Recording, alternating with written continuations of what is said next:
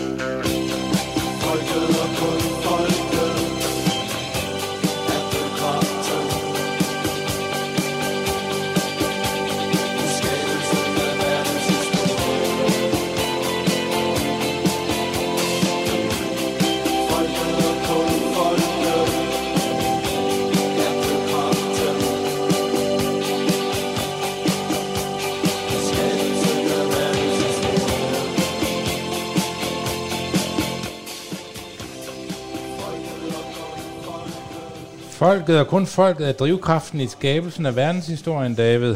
Ja. Det tror jeg, du synes, du har hørt før. Hvor er det citat fra? Ved du det? Nej, det ved jeg ikke. Det er fra Maves Lille Røde. Nå, okay, ja. Jamen, den har jeg ikke øh, sådan... Den kan jeg ikke udenad.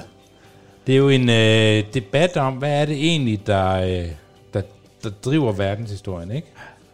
Og der, der er Mave jo helt klart på den side, hvor han siger, at det er folket, der gør det. Det er Ja. klassisk marxisme og, og, og mene det. Og ikke enkeltpersoner. Ja. Det er jo ligesom der, vi er, ikke? Jo. Eller hvor jeg ja. Det ville Mave jo heller ikke synes, det var. Nej, det, de, er, der er, de er selv Gud. Ja. Så, så det er ikke der, det er. Det er ikke der, vi er. Nå, men den troede jeg, du kendte. Ja, den kunne jeg ikke godt nok. Til gengæld kan jeg fortælle dig, at øh, bandet kliché her, som vi hører, du ved, jeg bor jo som barn ude i en lille landsby, Nordjylland, Himmerland, Suldrup, som den hedder. 800 indbyggere på det tidspunkt. Det sted, det vil glæde dig. Det vil glæde dig meget. Et af de steder, hvor Venstre simpelthen havde deres bedste valg, noget som helst, sted i hele Danmark, dengang jeg voksede op, og de stadigvæk står stærkt, tror jeg, Og, jeg sige. og også vil få det til næste valg. De vil stadigvæk stå stærkt der. Det bliver en af de sidste bastioner, det lover jeg dig. Når vi Nå, men får de der, frafaldende hedninge tilbage. men der på et tidspunkt, i sådan et lidt nedlagt landbrug, et par kilometer uden for Suldrup, der kommer tilflyttere. Og dem, der flytter til, det er nogle af de her medlemmer af Kliché. Og en, der blev boende der i mange år, det var, det var Niels Torp, som Ja. stadigvæk bor der. Og jeg siger dig bare, det var noget anderledes, der hvor jeg kom fra, at øh, der kom sådan en type som, øh, som, øh, som øh, Niels Torp. Men altså, altså det, er jo, det er jo helt vildt for mig, det her.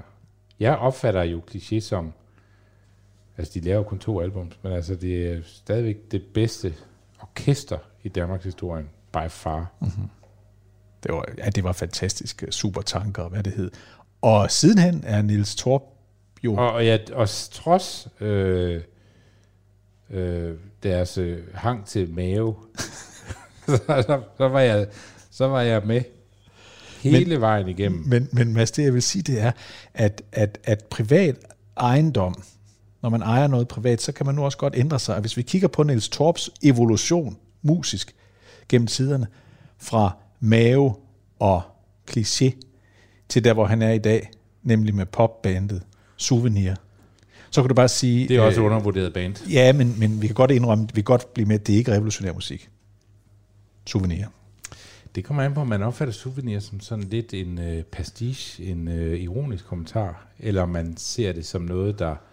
Altså, er det på kanten af danstoppen, ja. eller har det en fod indenfor? Hvorhen er det? Vi startede tydeligvis med en ironisk distance, og så fandt man ud af, at der var sgu penge i det, og så synes jeg, at, at jeg har kunne se hen med tiden, fordi jeg har fulgt Niels Torp så tæt, at øh, der er sgu ikke meget mave over det. Er han stadigvæk i Suldrup? Han er, så vidt jeg ved, stadigvæk bosiddende i Suldrup, ja. På samme ejendom.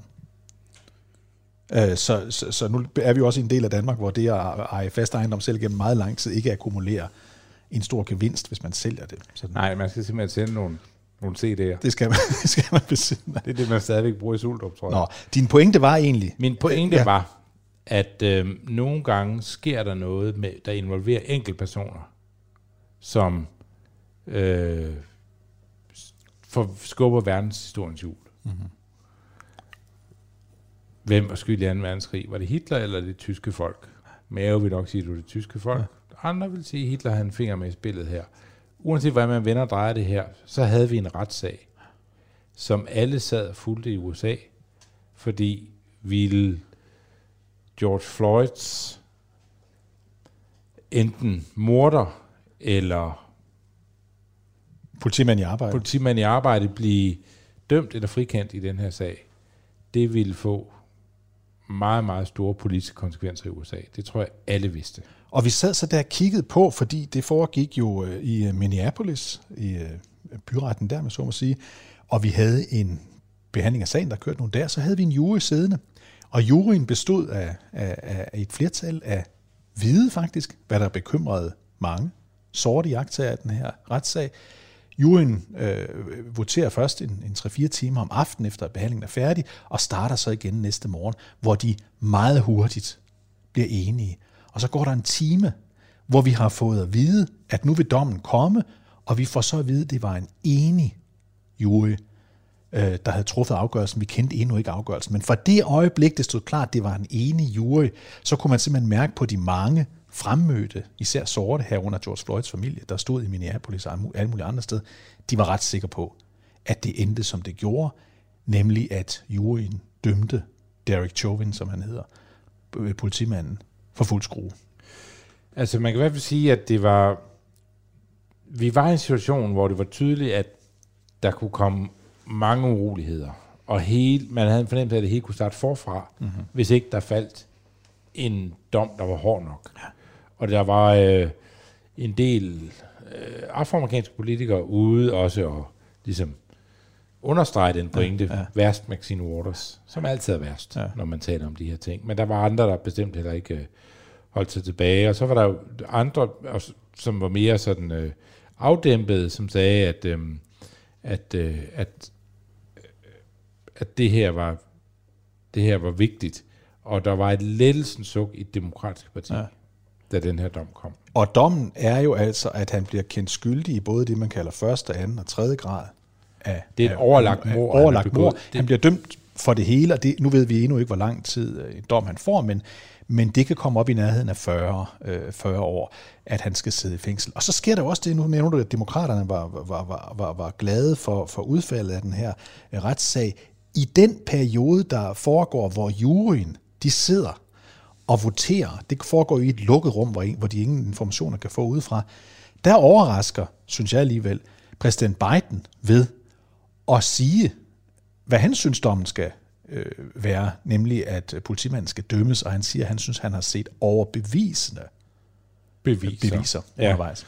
Nå, men altså, man må sige, altså Maxine Waters var slem, ikke? Øh, Nancy Pelosi øh, holdt sig heller ikke øh, tilbage, og Jim Clyburn eller James Clyburn, som han jo egentlig hedder, var ude og forsvare den retorik, som øh, var kørt op. Øh, og ja, man har jo lov til som politiker at blande sig i, hvad man synes, der skal ske med en sag. Det er jo en del af ens ytringsfrihed. Det, det her, man har ikke lov til at, at øh, blande sig på en sådan façon, at man øh, kan påvirke sagen med eksempelvis at sige, at dommerne er øh, øh, også meksikaner og så videre, og derfor vil vedkommende dømme sådan og sådan. Så, så bevæger man sig ud i noget, men man har lov til at, at, at gøre, sig, gøre sin mening hørt, og hvad man synes skal være mm. øh, udfaldet af en, af en sag. Men man må sige, at, og det fornemmer jeg også i dansk politik, at der er sådan en, en øh, der er en eller anden grænse for, hvor langt du kan gå i din retorik. Før så ved man godt, at nu man er ude i noget, noget hvor, hvor det nytter ikke noget, man er med til at piske en folkestemning op. Det men, øh, nytter ikke noget, man, er, man, man hjælper til med at, at, at, at skabe en lønstemning derude, hvis før der, der sker noget. Og de gik nok meget tæt på den øh, grænse, især da Maxine Waters var ude at sige, at, øh, at øh, alt efter hvordan det udfaldet af dommen er, så kan det godt være nødvendigt med flere, flere øh, øh, protester, eller dem, vi har oplevet tidligere underforstået, så kom gadekampen af retur. Der er jo ikke nogen tvivl, tror jeg, vi roligt kan sige, at hvis den domsafvældelse var endt med, at politimanden var blevet frikendt, i særdeleshed så han blevet pur frikendt. Det ville have ført Eller til, til, til meget, ja, det, det ville have ført til, til meget voldsomme reaktioner. Vi kunne jo bare se i Minneapolis, hvor ret mange mennesker var samlet omkring det sted, hvor George Floyd blev slået Der kunne det godt være gået ild i noget. Der kunne godt have gået ild i noget. Det kunne have udviklet sig meget voldsomt, og det kunne det mange steder. Også fordi præsidenten jo selv for pokker, som er den modererende øh, kraft i det demokratiske parti, Altså han selv var ude at sige, at han synes, det her det skulle føre til dom. Så det er jo klart, at hvis præsidenten har sagt det, og det efterfølgende viser sig, at han ikke øh, blev dømt, øh, så kunne det her øh, have skabt øh, uro, der mindede om den, vi havde sidste sommer, da George Floyd jo altså blev, øh, blev dræbt. Ja, og han blev jo dræbt. Det, ja. det, det, er jo, det, er jo, det er jo det, vi nu ved på baggrund af retssagen mm. og obduktionen og det, der var. ikke. Der var den her diskussion, fordi der i det oprindelige rapport fra politiet stod, at man havde øh, stanset en, en mand på gaden, øh, eller i sin bil på gaden, der var øh, øh, påvirket af noget, og man havde øh, efter have grebet ind over for det, så man kørte ham til hospitalet, hvor han så døde. Af en medicinsk condition, som man siger. Og det var jo noget, der, skal vi sige, var...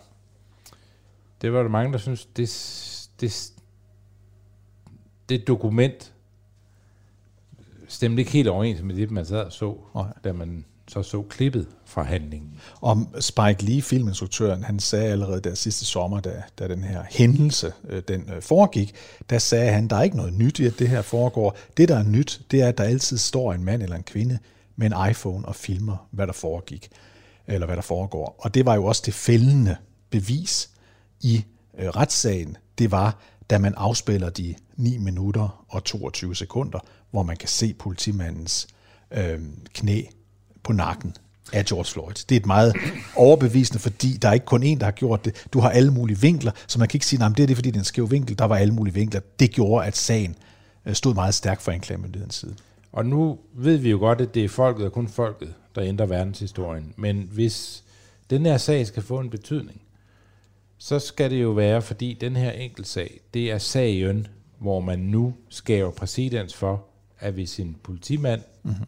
med en eller anden form for overlæg opfører sig øh, tilpas voldeligt eller direkte er med til, at man mister livet, så kan man blive dømt meget, meget hårdt. Og derfor er diskussionen jo nu blandt øh, rigtig mange af de, der, har, der gør sig hørt i den her debat i USA, at det er, altså, hvad, hvad sker der nu efter det her? Er det her den første sag, hvor der kommer en række sager nu, hvor øh, hvis politiet skyder borgere i deres varetekst, eller de på anden måde omkommer, som vi jo ved, mm. der er en, en lang debat om i, i USA, øh, vil det så føre til, at det får et, et, et lige så markant spor andre steder, nu man har den første sag, hvor man har dømt så hårdt, øh, og vil det, vil det ændre USA? Og det er jo spændende, fordi øh, prøv at høre, den her øh, lille sang, som var et kæmpe hit i, øh, i 1980'erne, som er Tracy Chapman, der synger om, hvad der sker, når en sort person forsøger at ringe efter politiet. Last night I heard the screaming, loud voices behind the wall. Another sleepless night for me, it won't do no good to call the police. Always come late if they come at all. Ja, lad os bare fade den lidt ned der. Pointen er, hvis politiet overhovedet kommer, når en sort person ringer efter den, så kommer de for sent, og de gør jo ingenting. Øh, det var et, et, et stort hit, da den kommer frem på, på hendes store plade, der Revolution i, øh, i, øh, i 1980'erne, start 1980'erne tror jeg det er, den kommer. Fordi den giver jo et indtryk, som rigtig mange sorte amerikanere har, nemlig at vi bliver ikke behandlet ordentligt af politiet, hvis de overhovedet kommer, hvis vi kalder efter den. Og derfor er der i blandt de sorte, borger, de sorte borgerretsforkæmpere, en sort befolkning i det hele taget, her efter øh, den her domsaffældelse, sådan en, en nærmest overrumplende fornemmelse af, at de har vundet. Altså, at der har været en sag, der er faldet ud til deres fordel. Man kan i hvert fald sige, at øh, Biden er valgt på... Han vandt primærvalgene, fordi James Clyburn bakkede ham op i South Carolina. Han er valgt på en forventning fra især afroamerikanere om, at øh, man tager en ny runde i debatten om, hvad vil det sige at bo i USA? Har man forskellige oplevelser af det, alt hvilken hudfarve man har, og så videre. Tiden efter han er blevet præsident, der har vi haft sager, der er gået i alle mulige retninger. Ja. Øh, så, som, men vi har haft vold mod asiater, vi har haft en sort mand, der øh, overfaldt en asiatisk kvinde uden for en, en kirke i, i øh, og så videre. Der har været der har været et der har været en masse på den her dagsorden. Og øhm, den dagsorden, som øhm, bliver rejst her, er, er med de, der har stemt på Joe Biden, det er med en forventning om, at der også sker forandringer. Hvis det her var endt med, at man havde følt, der ikke var sket forandringer, så ville man nok have et meget stort politisk problem. Og, der, og derfor kan jeg huske, at øh, det, det, øh, jeg, jeg sidder der og følger med om, øh, om natten, og for at høre, hvornår falder den der dom, og øh, så falder jeg i søvn, og så, så kommer jeg sådan helt ud af loopet, og der er stadigvæk ikke øh, kommet mm. nogen dom, og så videre. Så pludselig så, øh, så kommer jeg fra det, og så samler jeg min telefon op på et tidspunkt, og så kan jeg bare se, at øh, Axelrod, øh, den tidligere øh, øh, kampagne, særlig rådgiver, ja. særlig rådgiver og kampagnechef for Obama, øh, han øh, skriver på, øh, på, på Twitter noget i stil med, øh, øh, Gud skal takke lov. Ja. Og, så, og så tænker jeg, okay, så har han fået den allerhårdeste ja. straf, der er. Og jeg tror, det der Gud skal takke lov, eller hvad han nu sagde i den retning, at det var jo også sådan, øh, det var ikke, det var, altså, hvis Biden skal videre som præsident, og ikke ende med, at uh, alt det, han gerne vil, bliver, bliver afsporet, mm. så havde han også brug for den dom.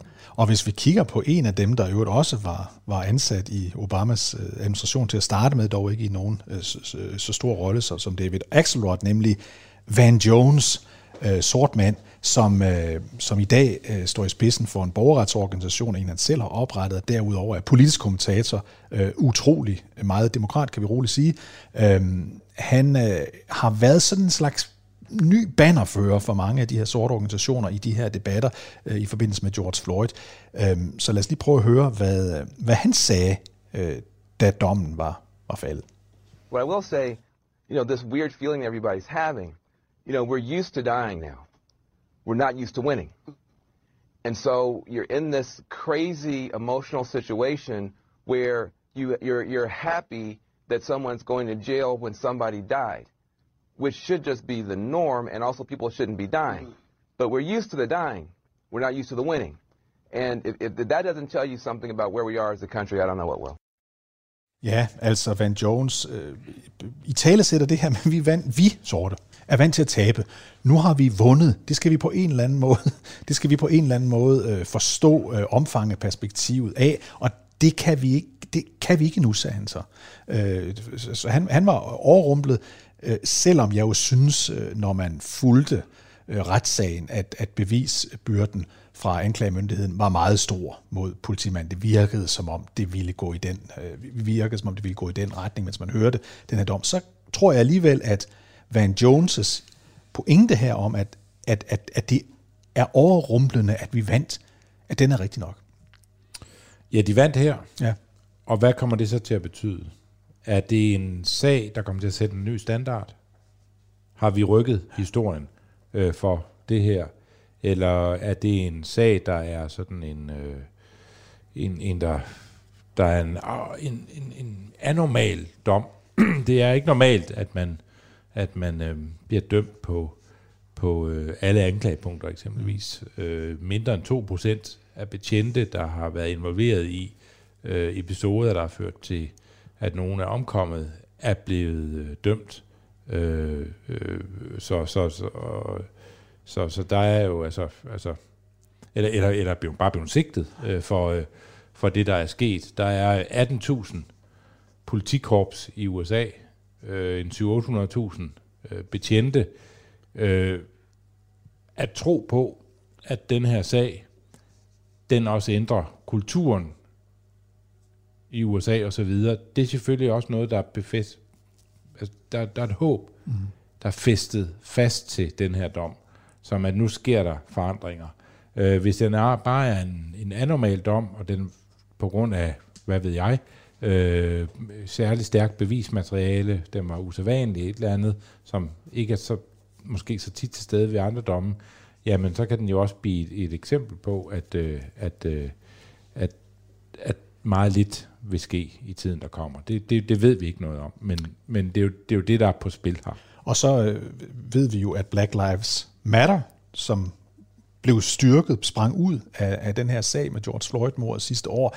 Øh, et af deres hovedpunkter, det har simpelthen været, at politiet øh, de skal fratages midler, flere midler skal flyttes over til socialvæsenet i stedet for. Den hoppede øh, Joe Biden på, ikke hele vejen, men et godt stykke henad. Ja. Og vi kan også se på nuværende tidspunkt, at øh, hans egen justitsministerium med det samme har iværksat en undersøgelse af politikorpset i Minneapolis. Og det var jo selvfølgelig fordi, det var det, du var inde på lige før, Mads, den, erkendt, den erklæring, de sendte ud efter øh, anholdelsen af øh, den uheldige anholdelse af George Floyd, der endte med hans død, den de sendte ud, den er, altså var så anderledes end det, som dommen så ender med.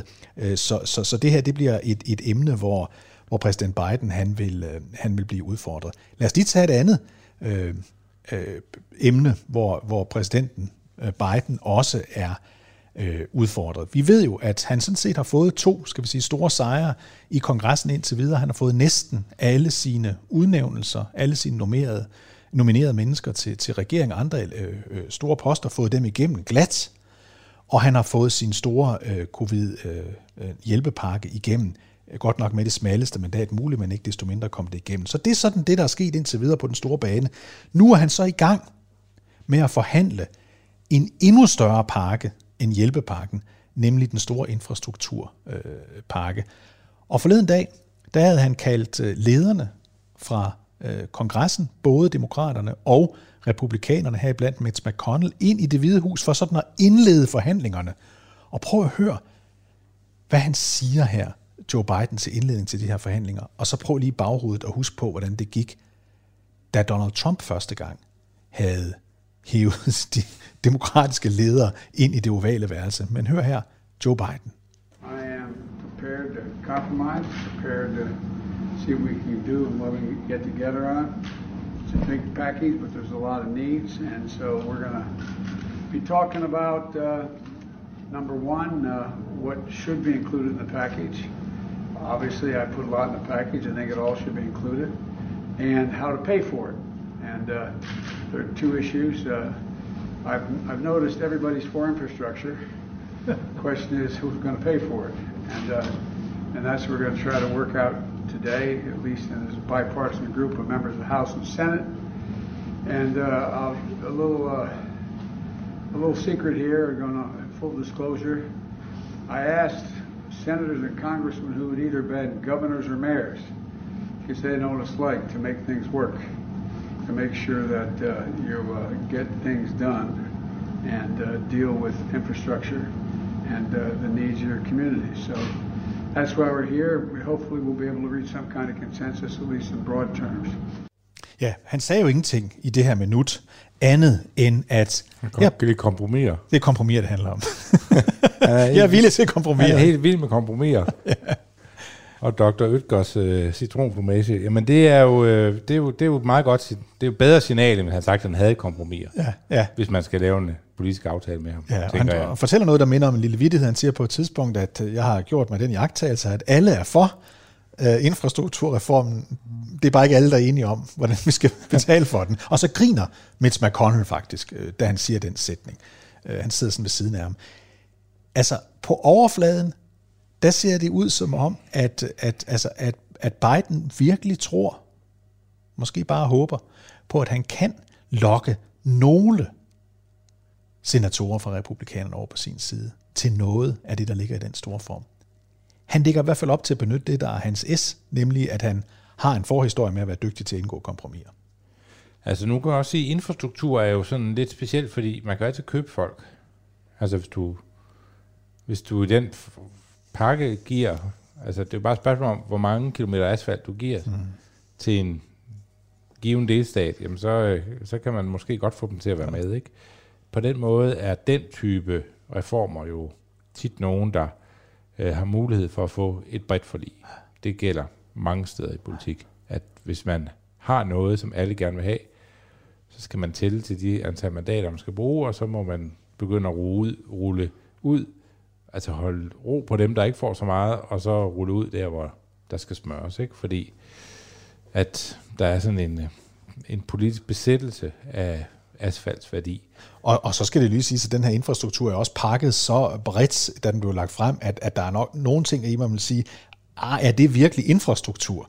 Altså for eksempel, for eksempel bedre vilkår til børnefamilier, hvor man kan sige, Gratis det er ikke, uddannelse. gratis uddannelse, det er jo ikke just sådan nej, nej, nej, infrastruktur. Nej, nej, det er, meget, det er en, det er en ret uh, gakket måde at forstå infrastruktur på. det er med mindre det er alt.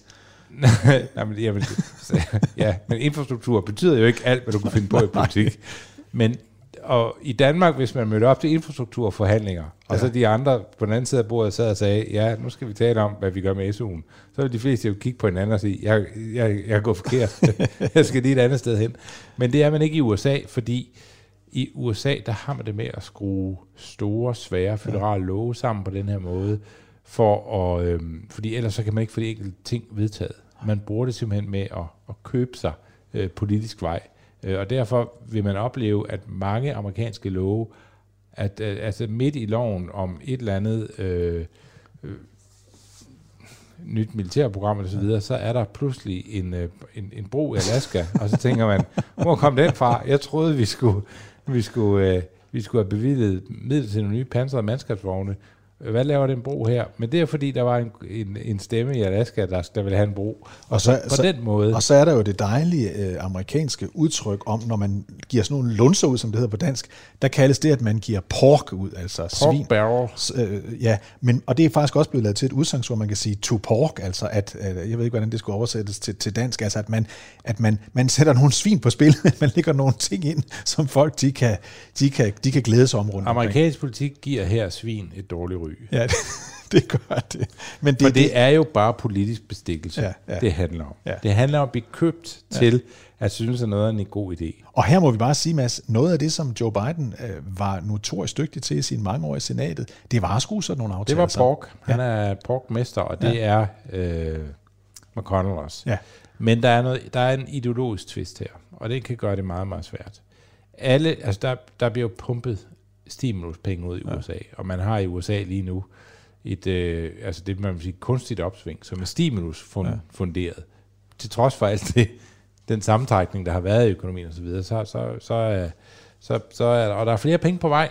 Man taler om øh, flere tusind milliarder dollars, der, ja. der, der kan hældes ud på det her, ikke? Og, øh, og folk kan godt regne ud, og det her, det bliver problematisk, at hvis du øh, forankrer de her programmer i Washington D.C., jamen så styrker du Washington D.C. Altså hvis det er Washington D.C., der pludselig overtager ja. infrastrukturen, det vil svare til, at EU, Bruxelles overtager, hvor man bygger veje i Danmark. Det vil, altså, lige først vil man nok stå der på Langland og tænke, Tak for broen. det er simpelthen så lækkert, at vi har fået den her tunnel til Bornholm, at, og at den starter her. Men, øh, men på et tidspunkt vil man jo tænke lidt over, at, øh, at øh, det er også irriterende, at det er de dernede, der bestemmer. hvor, øh, hvor cykelstien skal gå, og så videre. Ikke? Og det, det er det. Og derfor, det, det der bliver udfordringen her, tror jeg ikke så meget, altså republikanerne vil ikke have, at der bliver brugt så mange penge, mm. øh, som demokraterne er. De vil sikkert heller ikke have, at det skal være så altså, alt omfattende, det der skal forstås som infrastruktur. Det er som om Biden bare er, er, er altså har accepteret, at infrastruktur kan være alt. Men st- større sort, hvis vi lige ser på det et øjeblik, så det, øh, vi ved, at hjælpepakken sådan cirka landede på, det var 2.000 milliarder dollars. Infrastrukturpakken, den er større, den er cirka 50% større, den ligger op i nærheden af 3.000 milliarder dollars. Milliarder dollars.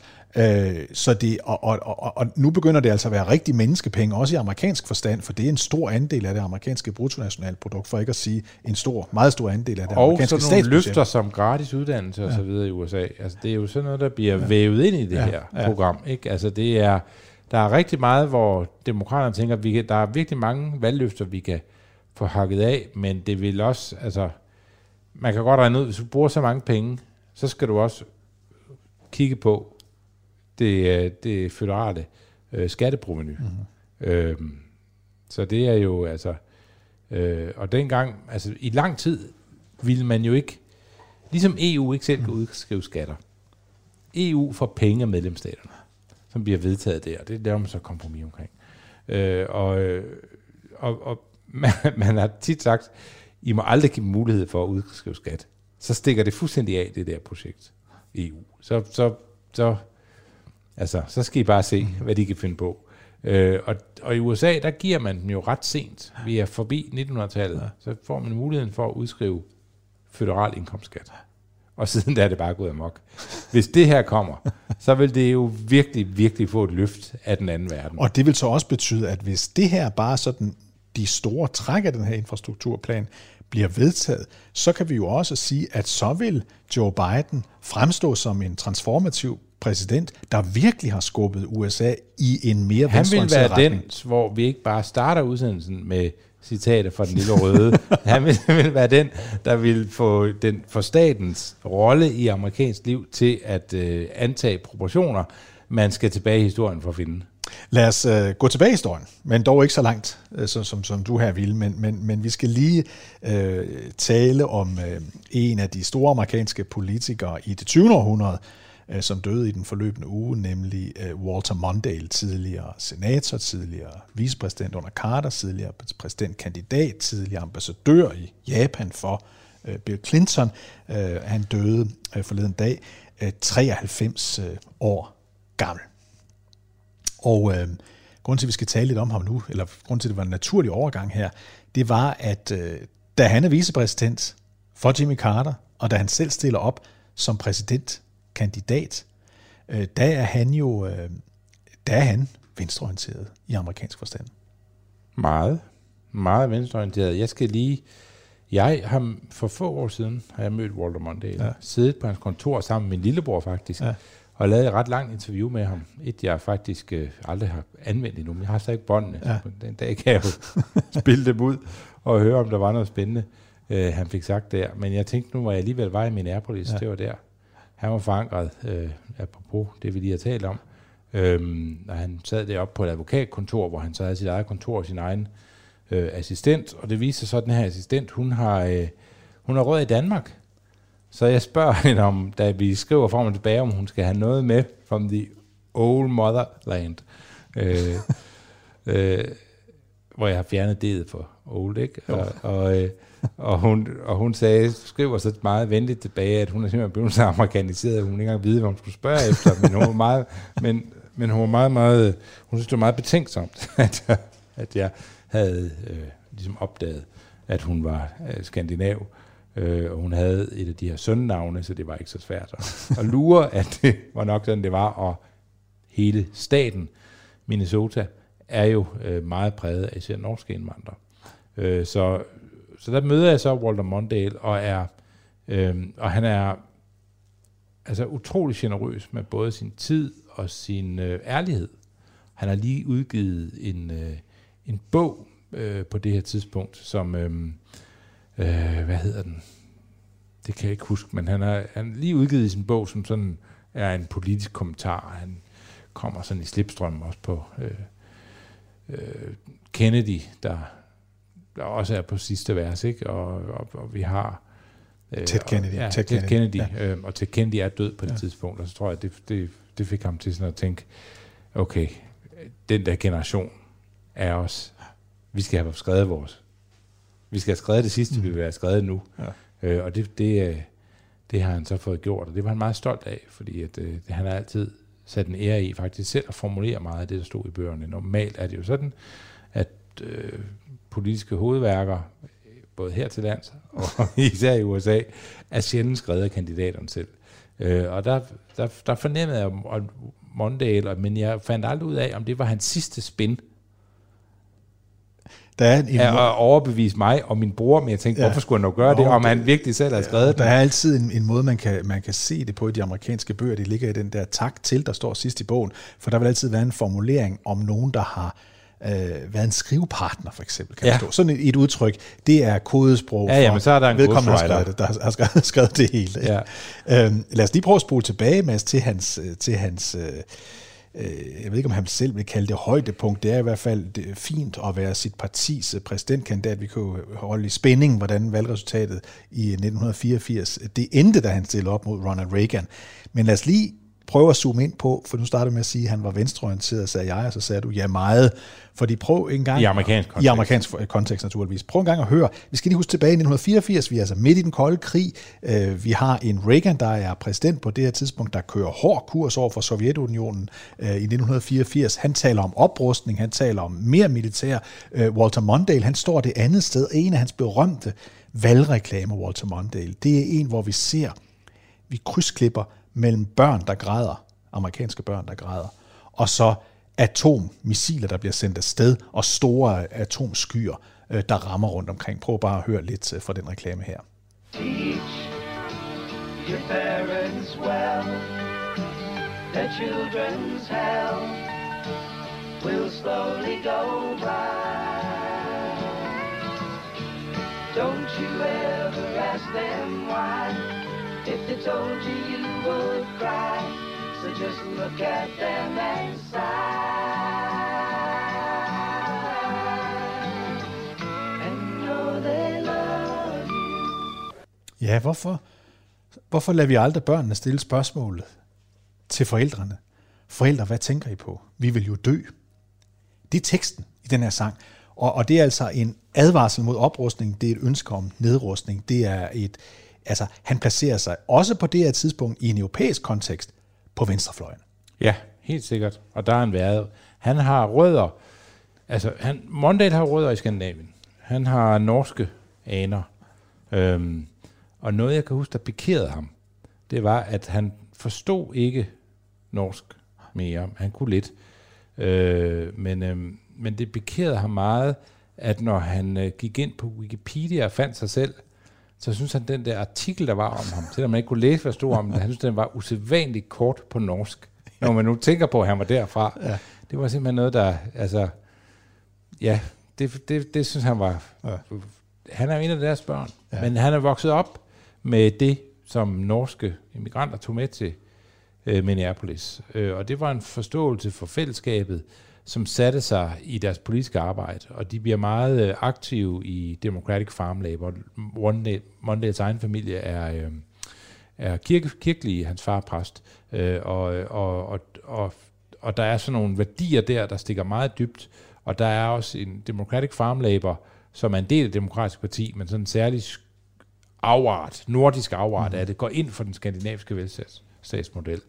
og, og Mondale Øh, og det kunne man mærke, at selvom han var sur over, at nordmændene ikke havde fået skrevet et ordentligt indlæg på ham på Wikipedia endnu på det tidspunkt, det har de sikkert fået rettet siden da, det har jeg ikke tjekket, men øh, så øh, var der ingen tvivl om, at det var der, hans politiske hjerte lå, at hvis han skulle have et USA et sted hen, så var det i retning af Skandinavien. Og det var et, øh, et projekt, han delte med sin egen politiske lærermester, der var øh, senator Hubert Humphrey, der havde været vicepræsident under Lyndon B. Johnson. Altså en drøm om, at, øh, at, at USA øh, skulle øh, udvikle sig fra, væk fra at være sådan bare en rendyrket indvandrernation, hvor der var lukkede kasser, men åbne grænser, men finde en, en anderledes balance, øh, hvor man især kiggede på en større omfordeling.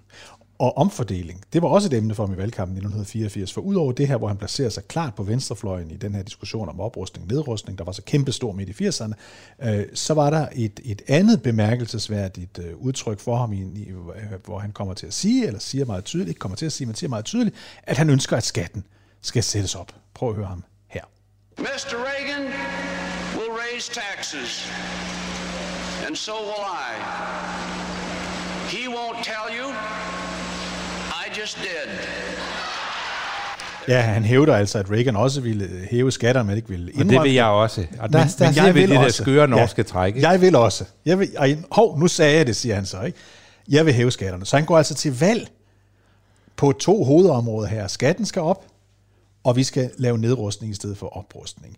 Øhm, den mand, han er op imod, den mand, han er op imod, det er Ronald Reagan, som allerede på det tidspunkt har siddet i fire år selvfølgelig, og som allerede på det tidspunkt er en ældre herre, og der er sådan begyndende øh, diskussioner. Men trods han var en ældre herre, Ja, havde et, et, et sund mistro til skat. Ja, det havde han. Men han havde også anklager på sig allerede på det her tidspunkt, om at han sådan ikke rigtig kunne følge ordentligt med.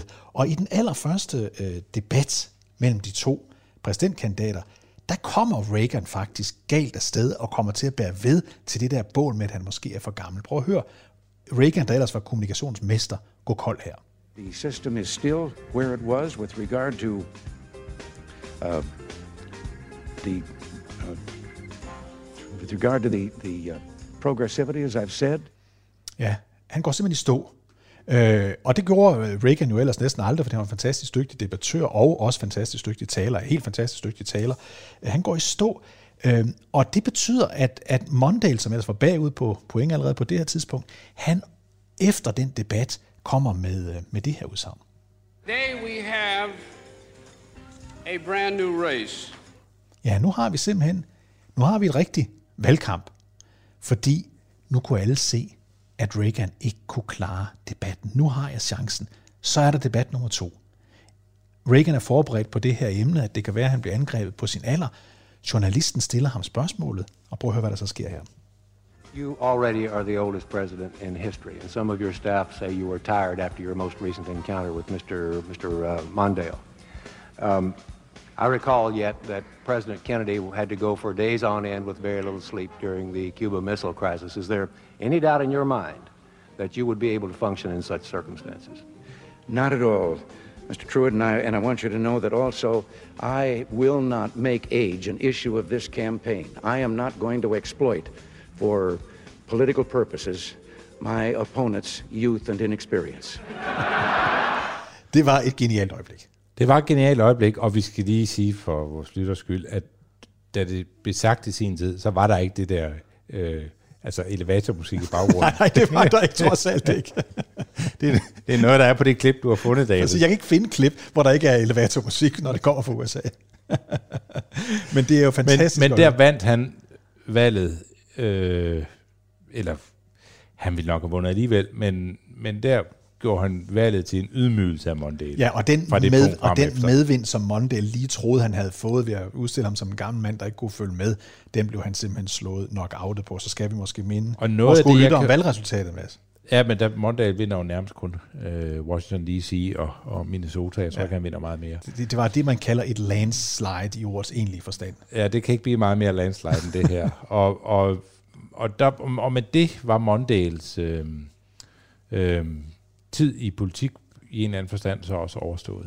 Ja. Øh, og det hans drøm om, at øh, han, han går jo med Carter, øh, og øh, forsøger at være den, der sådan balancerer Carter, finder ud af, at, øh, at Carters udfordring ikke er så meget af det, Carter ved politisk, der havde de deres uenigheder frem og tilbage en gang imellem, men det er egentlig ikke det, der er problemet, at der er noget i selve Carters façon, måde at samarbejde med andre på, og sådan øh, Carters måske forståelse af, øh, hvordan man laver politik, hvor, hvor Mondale kan se, at han, han er for en, han er, han er for han er, han er for tung at danse med. Det, det, det vil Mondale nok aldrig indrømme så direkte, som jeg siger det nu her, men det er den fornemmelse, man klart har fået, når han sådan har beskrevet Carter bagefter, at der var, at nogle gange gik de nogle lange ture sammen, hvor han prøvede at få Carter til at forstå, at du skal tale med folk, ikke til folk. Og, og, og politikere for dit eget parti dem skal du ikke fortælle, at du har ret. Du skal få dem til at finde på det, du gerne vil have gennemført. Så de tror, det er deres idé, du virkelig gør, og sådan nogle ting. Altså noget var Mondale god til, fordi han var skole på en anden måde, end, end Carter var i politik. Og jeg tror, Mondale havde, han blev den mest magtfulde vicepræsident i amerikansk historie, ud over Dick Cheney, der, der først kommer senere, men baner egentlig vejen for det moderne præsidentembede. Og da Mondale øh, stiller op, har han jo en klar fornemmelse af, at, øh, at han har en, en mulighed, fordi han ved godt, at, at, at selvfølgelig er, er Reagan en, man ikke bare slår. Men man får kun et skud i bøssen til sådan nogle præsidentvalg. Det er meget sjældent, som Adlai Stevens og andre, man får flere forsøg på at, at, at, at, at udfordre til et præsidentvalg, især hvis man har tabt. Øh, og der, eller, eller hvis du har tabt. Og, og Mondale vidste godt, at det her var den mulighed, han havde. Han vidste også, at det ville blive en svær kamp, men det ville ikke være umuligt, fordi Reagan var ikke nogen års ung længere. At der kunne sådan ske noget, øh, som kunne betyde, at han, at, han, at, han, at han kunne skabe et andet USA, og virkelig gøre det, han følte var drømmen for øh, Hubert Humphrey oprindeligt. Men sådan, sådan skulle det ikke være. Det skulle ikke være sådan, og, og, og han stiller altså op på en politisk dagsorden, som der på det tidspunkt på ingen måde var politisk opbakning til øh, i USA. Reagan ender med at vinde kæmpestort, øh, ikke bare i valgmandskollegiet, men også kæmpestort ved, øh, ved, i de absolute øh, tal. Øh, Mondale trak endda et historisk kort i valgkampen, i det han var den første præsidentkandidat, der stillede med en kvindelig øh, vicepræsidentkandidat, nemlig Geraldine Ferraro, men heller ikke det øh, hjælp. Mondale Is, især fik ikke, da hun fik en meget dum skattesag, så også oveni, og vi fandt ud af, at hendes mand havde snydt i skat, og så, så, var, så var det ved at være løb være overstået. Men, men han var en, øh, en altså, jeg, jeg har altid haft en meget soft spot for ham øh, Mondale, fordi han var så begavet, og han, da jeg mødte ham, var så ærlig. Og det er rigtig tit politikere ikke er. Især når de er i den del af karrieren, hvor de kan øh, sådan overbevise sig selv om, at sådan som de husker tingene, sådan de er sket. Og så når man slår det efter, finder man ud af, at det er overhovedet ikke rigtigt. at, det, at de pynter meget på virkeligheden. Det oplevede jeg ikke med ham. Der var sådan en, øh, en, en, en, øh, en... Jeg snakkede jo med ham for at finde ud af, altså have fundet noget insight-viden om, du har været rigtig tæt på verdens mægtigste mand. Hvordan fungerede det mm. for perioden 1977 til 1981? Det var der, du sad der. Du fik en masse mm. beføjelser, du havde en masse magt, og han var sådan, han var meget åben om, hvor frustrerende det var at være sådan øh, øh, anden violin. Øh, og hvor frustrerende det var øh, at opleve, at, at man kunne godt være enige om et mål, men man kunne være så dybt uenige om, hvordan man bedst kom hen til det mål, og så stå og se på, at det hele gik op i limningen og være en del af det. Det var, det var en ret interessante kommentar, han havde om det. Vi siger tak øh, for denne uge i kampagnesporet, Mads Fugle og jeg, øh, David Tras. Podcasten er sponsoreret af Maxus, som netop er lanceret i Danmark med 100% elektriske biler med moderne teknologi og højt udstyrsniveau. Find din forhandler på maxus-danmark.dk